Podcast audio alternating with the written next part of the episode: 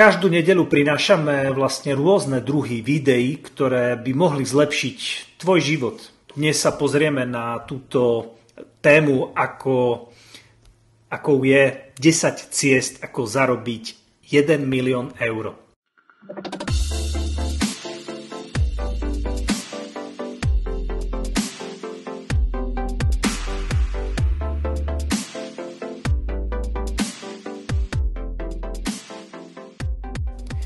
Čiže vítajte na stránkach Nefer Výhoda, ktorá v podstate provokuje a inšpiruje ľudí k tomu, aby boli možno takou, aby sa stali tou najlepšou verziou samého seba a aby mohli dostať zo seba najviac možného, čiže mali dostatok aj peňazí. A vítajte na práve tomto mieste v klube Nefer Výhoda, kde vznikajú noví euroví milionári. Ja naozaj verím tomu, že práve aj tento livestream môže vás inšpirovať k tomu, aby ste sa rozhodli a urobili to rozhodnutie byť eurovým milionárom. Mojím cieľom je vás motivovať a dodať vám potrebné znalosti a stratégie, ktoré by tebe, výhodiakovi, pomohli používať práve pákový efekt čiže taký princíp násobenia, to sú vlastne také návody a taký princíp nefer výhody. Používať systém násobenia a pákového efektu. Čiže výhodiaci, milión eur znie možno ako šialené peniaze alebo veľa peňazí, ale možno len pre toho, kto ešte nezarábal milión eur ročne. Sa to môže stať nejak absolútne a nemožné, ale pravda je taká, že 1700 nových milionárov vzniká každý deň. Čo keď si hodíte do kalkulačky, je viac ako 620 tisíc nových milionárov každý rok. Ako sa stáva väčšina ľudí milionárom? Všetko je to o určitom postoji a o tom, ako hodnotný si, ako hodnotná si na trhu a ako ťa práve ten trh dokáže vlastne oceniť.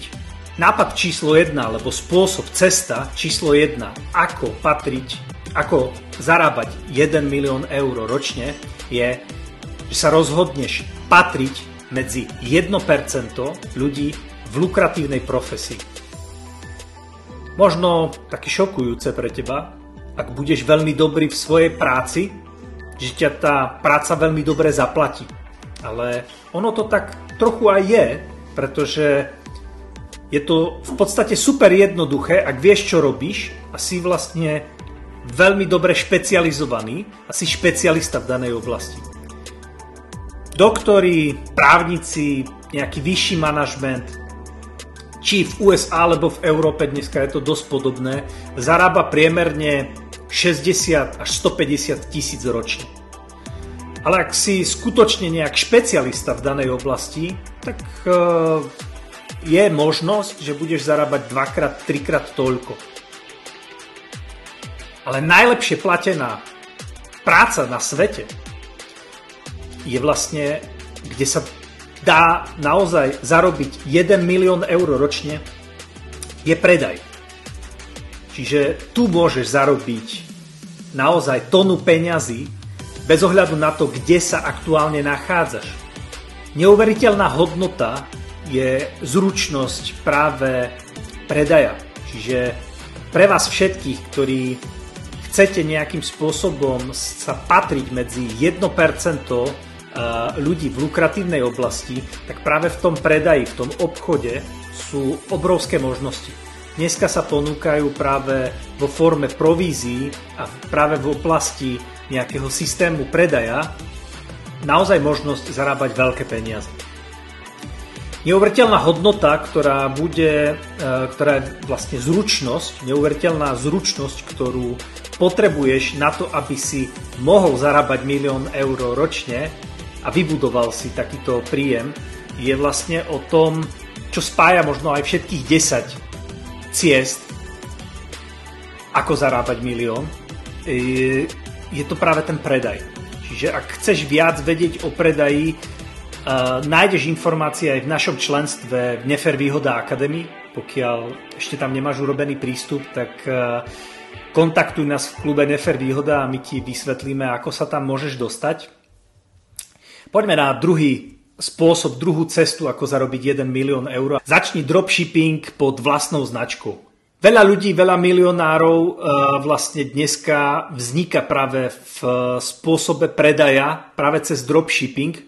Viem, že to je možno trošku také všeobecné, ale možno by sme mohli povedať, že čo ten dropshipping vlastne znamená, aby sme si to tak nejak ako vysvetlili. Tvoja práca v dropshipping obchode je robiť predaj. Všetko ostatné vlastne ti niekto zabezpečí. E, tak to nejak funguje.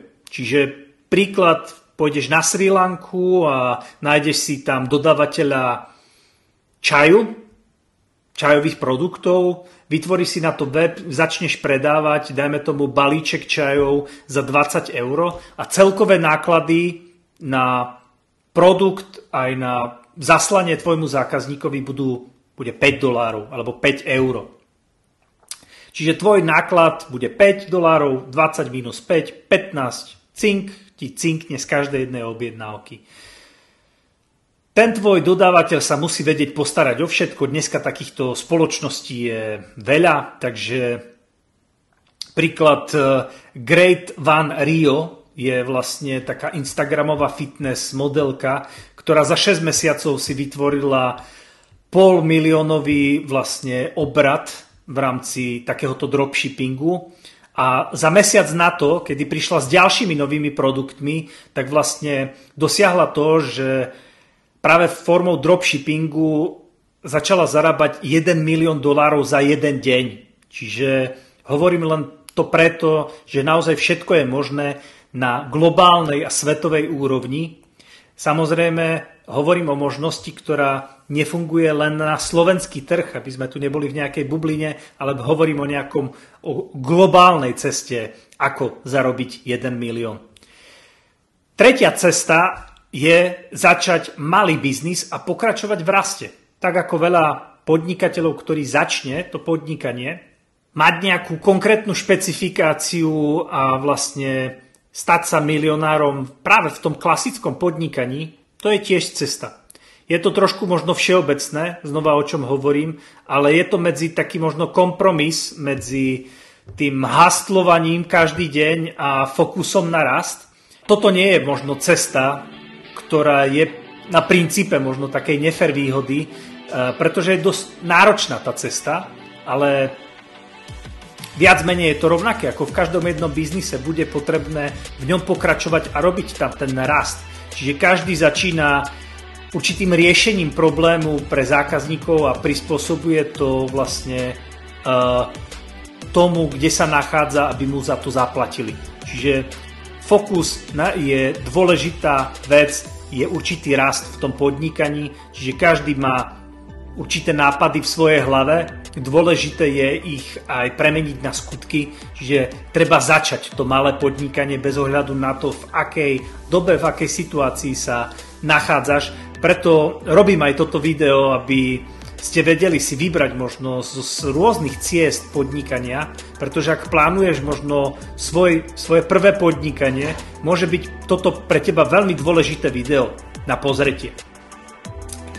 A cesta práve nás v Nefer výhode je forma takej kombinácie týchto troch vecí, o ktorých som rozprával. To znamená, že robiť formu nejakého obchodu, nejakého predaja, byť možno v jednom percente spojením s dropshippingom, akurát to robíme pod konkrétnou značkou, ktorá nám všetko vie zabezpečiť a máme v podstate, všetci začíname s nejakým malým podnikaním bez uh, nejakých rizik, s potenciálom rastu.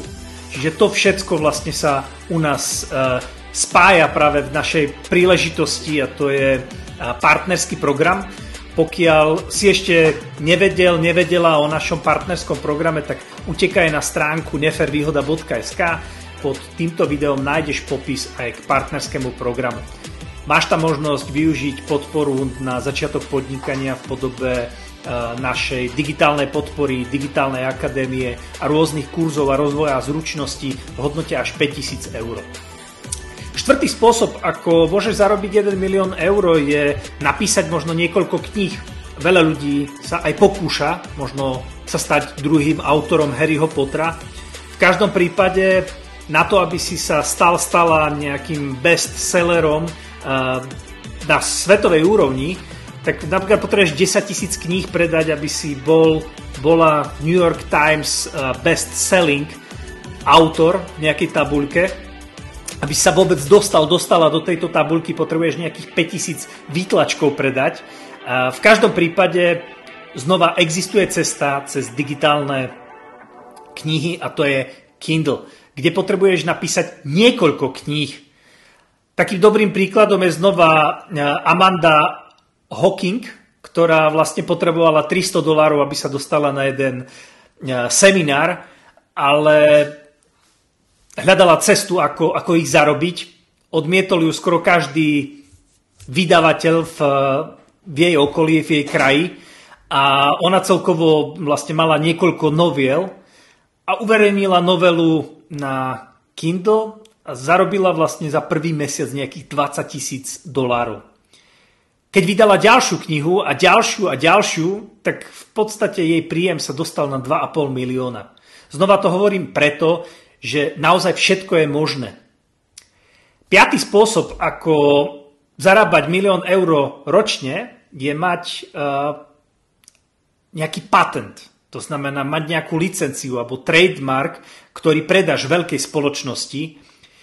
Je to možno taká zložitejšia, drahšia cesta, pretože potrebuješ si urobiť rozsiahlý dokument, eh, kde popíšeš vlastne patent, to, v čom, na čo si prišiel a to musíš ísť naozaj do extrémnych detailov a mal by to byť medzinárodný patent, čo stojí nemalé finančné prostriedky si to urobiť, ale pokiaľ to máš, tak vlastne keď príde veľká spoločnosť a bude chcieť ten patent využiť, tak e, v tom momente dostaneš ponuku a môže to byť práve percenta z predaja. Je znova niekoľko príkladov, ktoré by som mohol spomenúť, aj keď vám tie mena nič nebudú hovoriť, ale v hračkárskom priemysle sa to deje na pravidelnej báze, že e, výrobcovia hračiek hľadajú stále nové a nové hračky, ktoré niekto musel vymyslieť a keď ich máš patentované, tak to môže veľmi dobre fungovať. Šiestý spôsob na to a šiestá cesta, ako sa zarobiť 1 milión eur, je agresívne odkladanie peňazí a vklad do niekoľkých alebo do niektorého z fondov. Čiže buď si vytvoríš nejaké také portfólio, Ehm, v každom prípade potrebuješ možno trošku rozumieť, čo je zložený úrok. Ehm, Albert Einstein povedal, že je to 8 div sveta, k tomu porozumie, tak jednoducho zarobí. Zdvojený úrok je vlastne niečo, čo ti jednoducho násobí tvoje peniaze. Čiže ak chceš rozumieť peniazom a investovaniu, keď trošku tomu rozumieš, tak vieš, že 7% úrok je veľmi jednoduché uskutočniť. Je to naozaj o nejakom pravidelnom odkladaní peňazí, čiže tá rovnica znie nejak takto, že pokiaľ odkladaš 10% zo svojho príjmu, tak eh,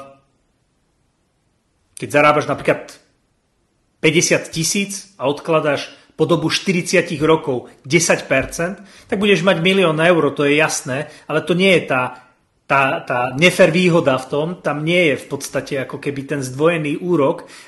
O možnosti, ktoré zarobíš práve tým zdvojeným úrokom, je to, že sa ti to dokáže ako keby z tých z úročených peňazí ti narastá znova ten, tam vzniká ten zdvojený úrok. Čiže keď si napríklad 10% zo svojho príjmu by si si odkladal napríklad do fondu S&P 500, čo je 500 najlepších alebo najziskovejších spoločností v USA, takých najúspešnejších, e, ktoré sú vysoko cenené, tak tam bolo za posledných 90 rokov naozaj priemer nejakých 10%. Čiže to je práve cesta, kde môžeš využiť tento zdvojený úrok. Siedma cesta, ako zarobiť 1 milión eur, je krypto. Veľa ľudí sa prekvapivo rýchlo stali a e, vlastne sú veľmi bohatí.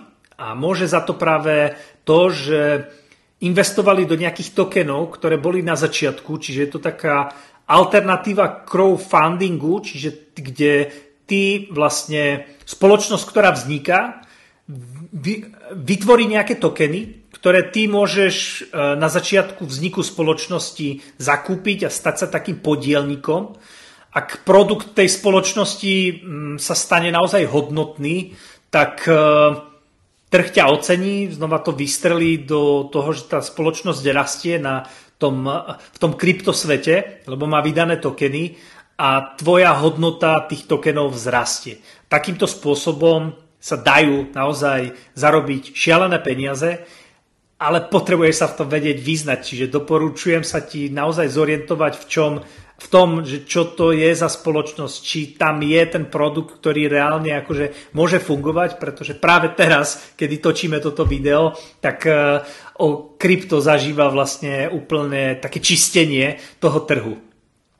8. spôsob uh, a 8. cesta, ako zarobiť a zarábať 1 milión eur mesačne je uh, nákup franchízy. Ty nepotrebuješ byť kreatívny vo franchíze. Ty potrebuješ, e, keď nie si kreatívny, tak pre teba je franchíza, ale potrebuješ byť možno rozhľadený v tom, akú franchízu kde priniesť a aký máš budget. Pretože napríklad, keď som si robil ja prieskum, tak môžeš nájsť napríklad franchíze, ktoré začínajú aj od 10 tisíc uh, eur, dolárov, uh, v závislosti od toho, čo hľadaš Samozrejme existujú oveľa drahšie možnosti. Taká, ktorú ja som sa zaujímal, je Dunkin Donuts. To sú tie vlastne šišky, keďže mám rád šišky. A, tak stojí 40 až 90 tisíc vlastne e, poplatok, záleží od polohy.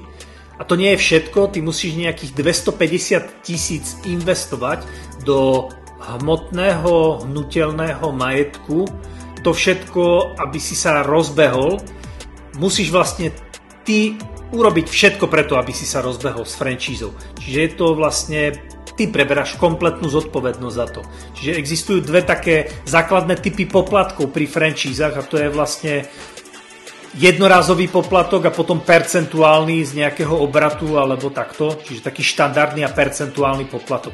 To si treba, to treba vedieť o franchise a môžeš sa zorientovať, aké franchízy existujú a ako by si mohol do svojej možno lokality priniesť. No a deviatý, deviatý spôsob, deviatá cesta, ako zarábať 1 milión eur je vytvoriť subscription service, kde tisíc ľudí zaplatí tebe 83 eur mesačne. Alebo existuje niekoľko ciest, ako môžeš vlastne vytvoriť milión eur. Ak máš 5000 ľudí napríklad, ktorí platia 17 eur po dobu 12 mesiacov, tak máš tiež milión eur mesačne. 2000 ľudí, ktorí platia po 42 eur krát 12 mesiacov, tiež máš milión eur. 1000 ľudí, ktorí platia 83 eur mesačne, po dobu 12 mesiacov, tak máš milión eur. Ak 5000 ľudí platí 167 eur po dobu 12 mesiacov, tak máš milión eur obrat. 300 ľudí platí 268 eur po dobu 12 mesiacov, tak tiež máš milión eur. To je dôvod, prečo uh, aj my používame subscription, uh, niečo ako Netflix, Tidal, uh, Apple Music, Netflix je dobrý príklad na veľa, veľa úspechov práve toho nového spôsobu uvažovania, kde Netflix mal v roku 2018 125 uh, miliónov subscriberov a to mesačné členstvo tam stojí, myslím, že 7,90 Čiže oni vykázali naozaj obrovský zisk, e, myslím, že nejakých 11 miliónov mali vlastne ako keby čistého zisku. YouTube je tiež veľmi dobrý príklad. Za posledné obdobie vzniklo možnosť mať subscription aj na YouTube, čiže platenú formu. Je to proste novodobá televízia. Je to spôsob, ako si tiež vytvoriť práve e, ročný príjem milión eur. Desiatý spôsob, sa možno trošku budete čudovať, ale je to práca pre niekoho, kto už je milionárom, ideálne, keď je miliardárom. Pretože Najrychlejšia cesta, ako zarobiť tvoj milión, je pracovať priamo pre niekoho, kto je multimilionárom, keď nie miliardárom. Bohatí ľudia si veľmi cenia čas a veľmi si cenia uh, to, keď niekto im ušetrí čas alebo zarobí viac peňazí. Čiže pokiaľ si dokážeš vytvoriť veľmi intimný vzťah alebo veľmi blízky vzťah s uh, milionárom alebo miliardárom, tak e, určite, pokiaľ mu dokážeš vymyslieť spôsob, ako ušetriť čas alebo zarobí viac peňazí, tak jeho veľkorysosť bude v tom, že sa tie milióny dokážu na teba preniesť. Čiže predtým, ako budeš sa možno o celé také niečo pokúšať, spojiť sa s nejakým milionárom, miliardárom, tak určite to nebude fungovať cez nejaké spamovanie alebo niečo takéto, že budeš ako keby sa naháňať e, za niekým, pretože takýchto ponúk možno človek má aj stovku mesačne, čiže je to podľa mňa dobrá cesta, ako získať mindset toho milionára. Pokiaľ uh, nemáš v svojom okolí nikoho, kto je miliardár alebo milionár, je tu cesta mať mentora, čiže mentor otvára, otvára pomáha človeku, vlastne zabezpečuje mu, aby mohol využívať určitú príležitosť. A v tom vidím obrovskú výhodu práve aj v našom partnerskom programe, že máš možnosť vlastne spolupracovať priamo s nami, partnermi, zakladateľmi platformy a máš možnosť vlastne využívať e, náš mentoring. To znamená, budeme ti môcť ako keby ťa mentorovať na tvojej ceste a to považujem znova za takú nefer výhoda stratégiu, kde si môžeš ako keby skrátiť tú cestu, využiť pákový efekt, využiť systém násobenia. Čiže pokiaľ si sa rozhodol, rozhodla vydať na cestu, stať sa milionárom, prosím, napíš do komentára možno 1 milión a ja budem vedieť, že si sledoval toto video až tu a zistím aspoň, koľký z vás ste to sledovali až do konca. Takže ja vám ďakujem za pozornosť a vidíme sa